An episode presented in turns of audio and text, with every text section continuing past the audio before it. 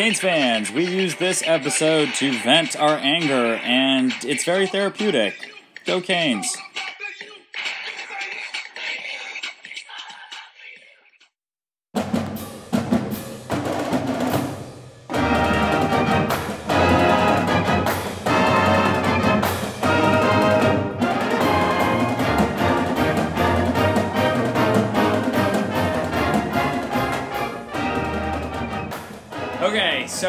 Said that we were going to win this game. We picked Virginia to beat us, and of course that didn't happen. We ended up beating Virginia, but you and I both picked Georgia Tech uh, to lose the game against Miami and Miami to win, and of course that didn't happen.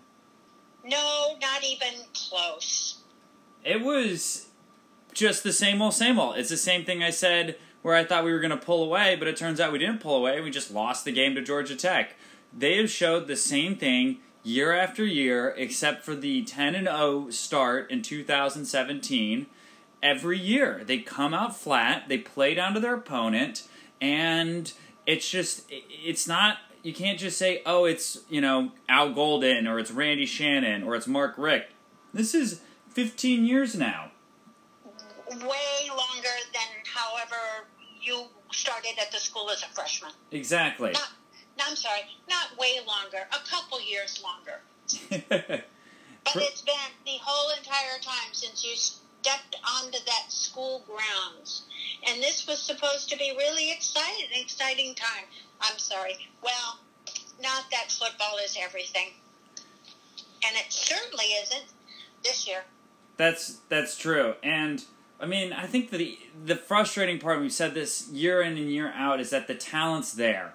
It's and it's the talent's there. I'm not saying to win the national championship or be in the college football playoff, but the talent is there to win the ACC Coastal, and this team has done that once, which is pathetic. It's really frustrating that we continue to have. You can, I mean, you could tell on that field how much better our offense and defense was, and still we're getting beat on the third play of the game for a sacked fumble that turns into a touchdown. We're getting beat because one of our top corners is just lazy and takes a play off on a fake punt uh, where we're playing in the safe and they score a 41 yard touchdown.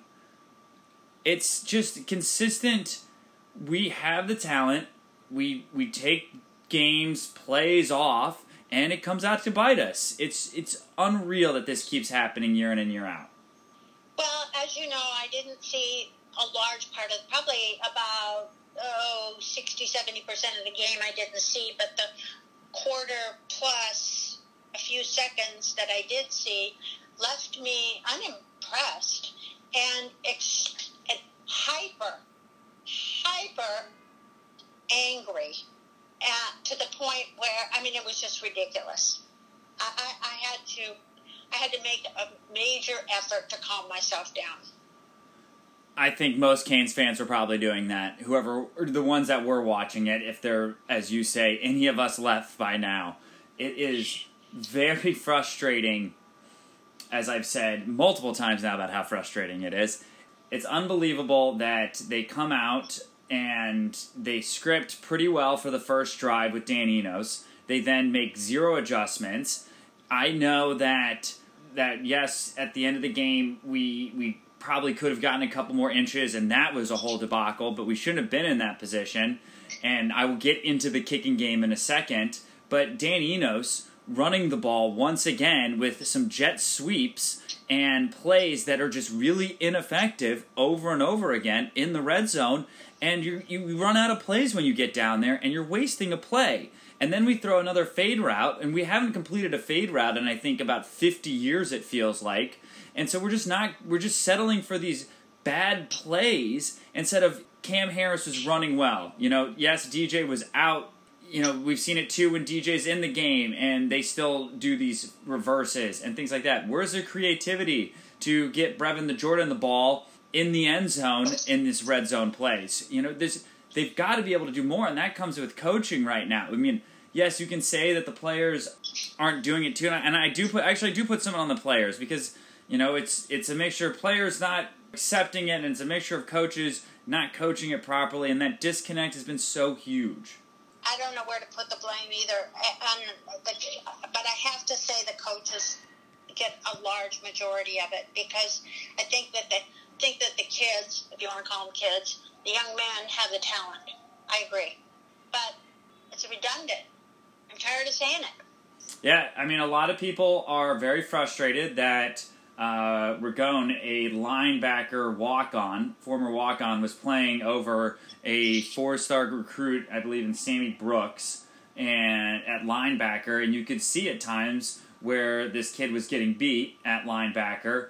That's on the coaching staff for not having a backup ready. It's the same way that I get frustrated that when your top quarterback goes down, that you don't have a good second option ready. You need to be prepared for it. It's a sport where there are injuries I, I get it that you're gonna have a talent drop off at times or not have the same. You know, there's a reason why your backup is a backup, but they should be at least engaged and into the game. And you've got to come up with better ways of doing it as a head coach. And if these guys aren't ready, these talented guys, that's also on the coaching too.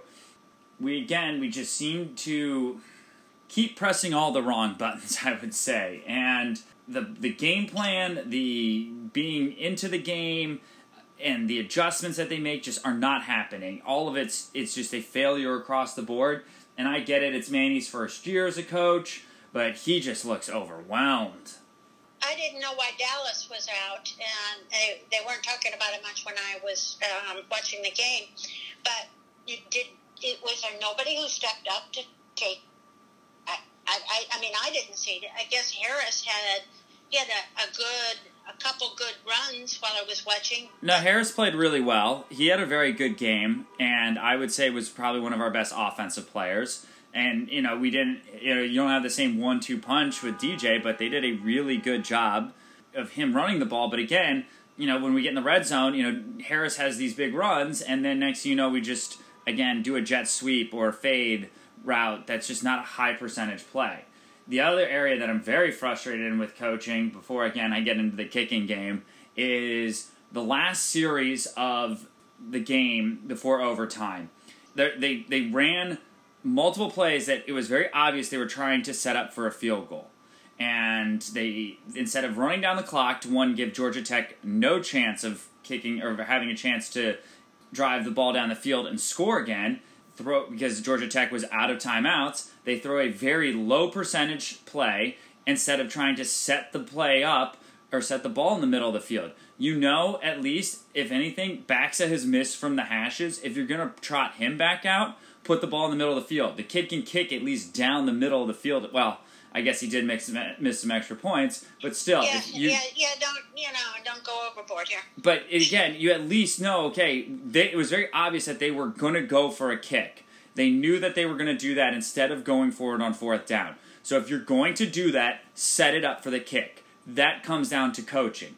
They did not run any high percentage plays, and they wasted plays instead of putting their kicker in any success. And again, with how bad the kicking game was and all that, one, why they're trying to do that, I don't know. If we all know that they're going to miss it, why are they even trotting him out there? Everyone said we knew he was going to miss it.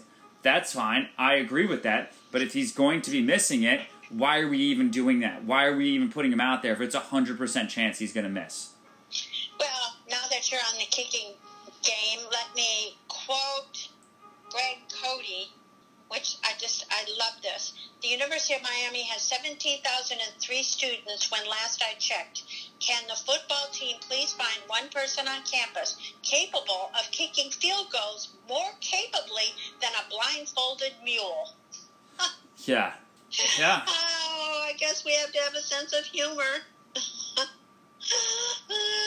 I, it's just, it's, a, they, it's only gotten worse. The fact that they haven't been able to fix it, the fact that they let up a 41 yard a touchdown pass to uh, on, a, on a fake punt where they're already in a safe punt. It was it's inexcusable. Again, yes, DJ Ivey took the play off, but come on, you got to have those guys locked in, ready to go. Where's the coaching on that? The, I'm so sorry. I did. I, am so glad. I, actually, I did not see that. Yeah, you would. You would have even more in a rage. in the hospital with a stroke right now. Yeah. oh my god. and and so and so it was. It's just it's very. It's disappointing to see that it continues to be a phase of the game, and thank God we have Lou Hedley kicking back there and punting for us. Because if we were still dealing with Feely, we would be an absolute disaster at that. Again, he's pretty much lining himself for MVP honors because he's able to flip the field so much for this team, which is pretty amazing. But again, Yes. they let up that touchdown. Um, you know, the, again, it's the same type of story we've seen. The defense plays really well. They hold it in. They hold the. They hold it together. But you know, we're tied up, and it's the offense who and the special teams that have led up 14 of the points. And then you add in uh, the nine points missed by our kickers, the touchdown given up on the fake punt, and the nine points. You don't need much analytics to realize that that that we lost by seven points, and we easily could have won by nine, if not more. We could have we could have should won by 16. when and we should have won by three touchdowns. Yes. The next thing I have too is all right. So it's reported that N'Kosi Perry was playing with a separated shoulder. Jarren Williams gets back in the game for three plays. It, they decide that a separated shoulder N'Kosi Perry is a better option than Jarren Williams. Jarren Williams looks like he's about to go in the tank. How, are you kidding me? We can't even see Martell. Like at this point, like he's doing that poorly. And I agree with this, and I've said this since the beginning of the year, and I will take from what Mike Ryan said on the Le Batard podcast, is that Tate Martell in the Florida game was in on was in the play was in the game on plays that were the biggest plays offensively for us in that Florida game. And we haven't seen him in there at all since. That's creativity. That's telling the other wide receivers, yeah, I get it. You came here to be a five star recruit, but we're trying to win ball games. If you don't like it, then transfer, which I think is already happening. I believe Hightower has entered his name into the transfer portal. So after trying to appease him, they end up losing a wide receiver anyway. You know, and I mean, who I haven't even looked at what the recruiting looks like, but again, you you have this opportunity where you, where people, it's obvious, are scared and nervous of Martell being on the field because they don't know what's going to happen, and you just scrap that, and it's hurt ever since, and it's frustrating. It's it's I don't want to hear oh well you have to have to get the other receivers ready things like that. When you have success, you use it and then you switch once they get it stopped, and and that that's that's inexcusable So how do you really feel about it? as much as frustrated as you are uh, were on Saturday. That's that's how frustrated I am. So frustrated, I don't. Even, we're not even going to preview about Pittsburgh because what's the point? I'm so frustrated that I- I'm not even anxious to watch the game this week. I will be able to watch the first half. I have a meeting that's going to start about the time the second half starts, and I'm not upset about it. I can't get worked up to see another loss. I just can't do it. Not when I I know they could be winning. And I, I mean, this Pitt team is a pretty decent team. It's a team that won the Coastal last year. It's the same as every other Coastal team right now. And it is a game that's going to be on the road in a chillier Pittsburgh than Miami. We know how that game goes. I imagine that this team's going to be pretty checked out. So, uh, give you the preview. We're going to come out flat. We'll kind of hang around. Our talent will show for a little bit, and then uh, we'll miss about three to four kicks. Uh, and then from there, we will lose the game. So, there's your preview on Pittsburgh. Okay, done. We're done with that.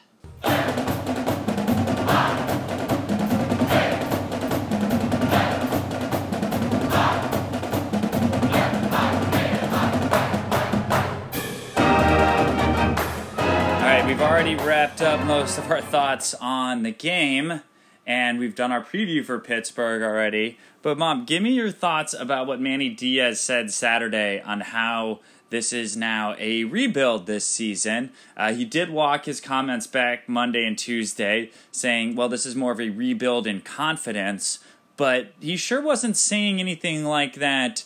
Uh, at the beginning of the season, when he took the job back in January, and uh, even last week. So, your thoughts? I think it's a wrong message to give to the team. Um, I, I, I, I don't, although I don't know what the right message would be. If I was head coach, I I would have a hard time reacting to the game. Of course, if I was a head coach, I would be taking on the responsibility of the loss on my shoulders and saying, it's on me. Um, and I don't know, he may have said that somewhere along the line, but I sure didn't read it anywhere. And uh, um, just I, I just think it's the wrong message to send. And yeah, you know, the guys all say that, no, the locker room's all behind him and they're all in great spirits. But I think that's not the case. I don't think so either. I think you see it show up on the field right now that there are players not engaged and not behind him. It's one of those two. You come out brash like he did, that's great, and sounds amazing in the off season. You do all these fun activities. You come in with this, you know, as we talk about the swagger and this attitude to show how University of Miami is different and it's the new Miami. But when you come out and are three and four from the first time, I think since 1974 or 19, I forget which one, or 1997, somewhere where either 1997. exactly when we were under shank sanctions and had very limited scholarships. That I don't know. Oh man, I forgot what I was going to say. You pick it up from here, Mom. Well, um, you notice that most of the quotes that are coming in support of Diaz are the defensive players who had him as their head coach, the head defense. Defensive coordinator. We're killing it at the end here. And so they have they have a loyalty to him. And by golly, they did great when he was coaching the defense. The defense did great, that is. And he brought the best out of the defensive players. And that was the hope is that he'd get there and he'd bring out more from the offense. And he said that that he was going to be able to do that at the beginning of the year. Made the promise that, you know, the old regime's out, you know, new regime's in. And it is kind of hard to say, oh, we're going to change this culture when half of, you know, when you come from the cult, half of you comes from the culture before. Um, and you know that that's tough. The the other part is this new strength and conditioning coach that they brought in, and you know, I mean, we don't seem that much more in shape than the other teams right now. And one of our offen- like our offensive line definitely looks out of shape. They're struggling. I mean, at the end of that game, I know there's energy, but I mean, Georgia Tech looked like the better and conditioned team, and it's just to say all of a sudden that this is a rebuild. And what my point was before, I absolutely had a brain meltdown. There was that it's it's easy to do all the stuff that he did at the beginning of the year or over the off season and the brashness, the this is the new Miami, and it's really hard now to be taken seriously, especially going into recruiting and say, "Oh, we have this new Miami and we're going to do all that fun stuff we talked about, but you're 3 and 4." I don't see where they're going to get a good recruiting class.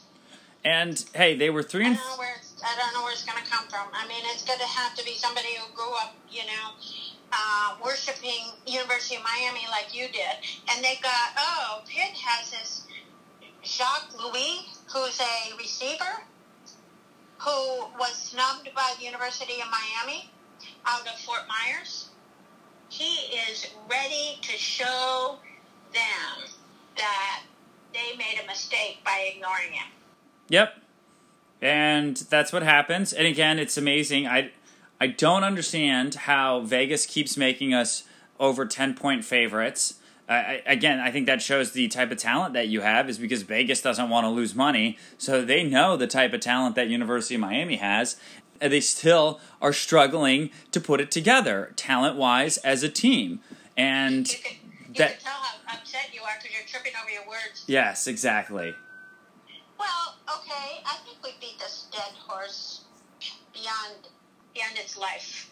Maybe. Um, but it's it's good. You know, we need these type of therapy and venting sessions to get us through. So there we go. How bad? How bad do you think they're going to lose this week? How bad? I think they lose by two touchdowns. And and to get them fired up, uh, the old offensive coordinator at Pittsburgh is Mark Whipple. Right. And I played for that guy, and that guy is very hyper competitive, and he is, is going to be looking to demolish the University of Miami. So expect Pitt to come out ready to go.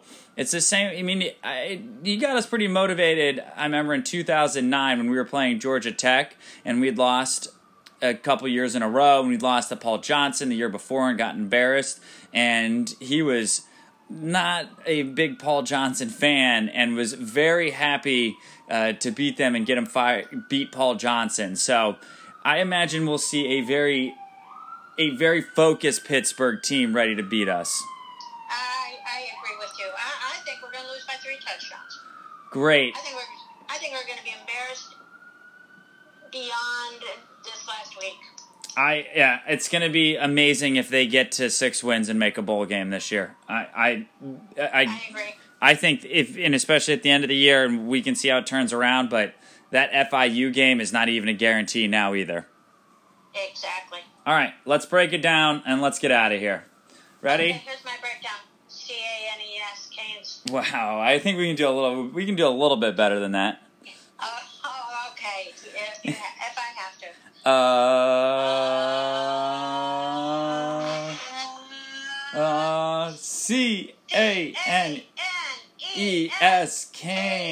was our worst one of the season. That's how we feel. I know most of you are checked out on the season, but we'll be here through thick and thin the rest of the way. Uh, it's hard to say this, and I'm trying to believe it, but go Canes. Okay.